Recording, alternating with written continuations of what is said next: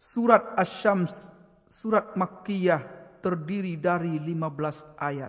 Bismillahirrahmanirrahim. Dengan menyebut nama Allah yang Maha Pemurah lagi Maha Penyayang. Wasyamsi wa duhaha.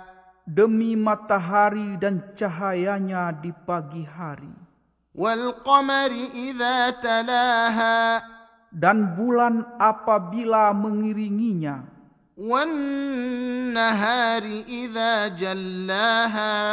Dan siang apabila menampakkannya. Dan malam apabila menutupinya.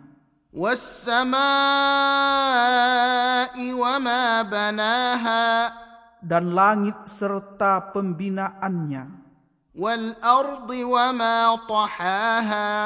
dan bumi serta penghamparannya.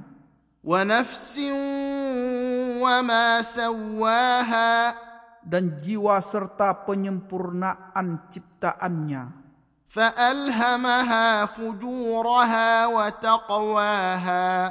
Maka Allah mengilhamkan kepada jiwa itu jalan kepasikan dan ketakwaannya.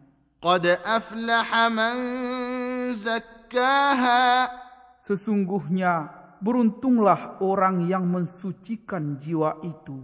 وقد خاب من دساها Dan sesungguhnya merugilah orang yang mengotorinya.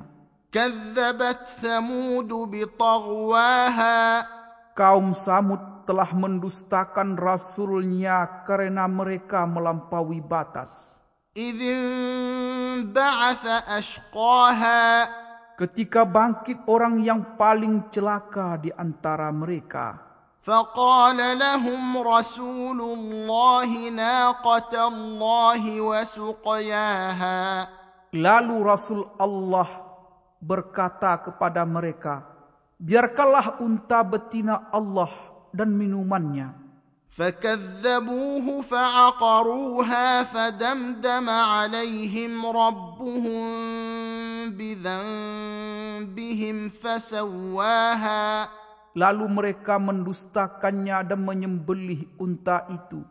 Maka Tuhan mereka membinasakan mereka disebabkan dosa mereka.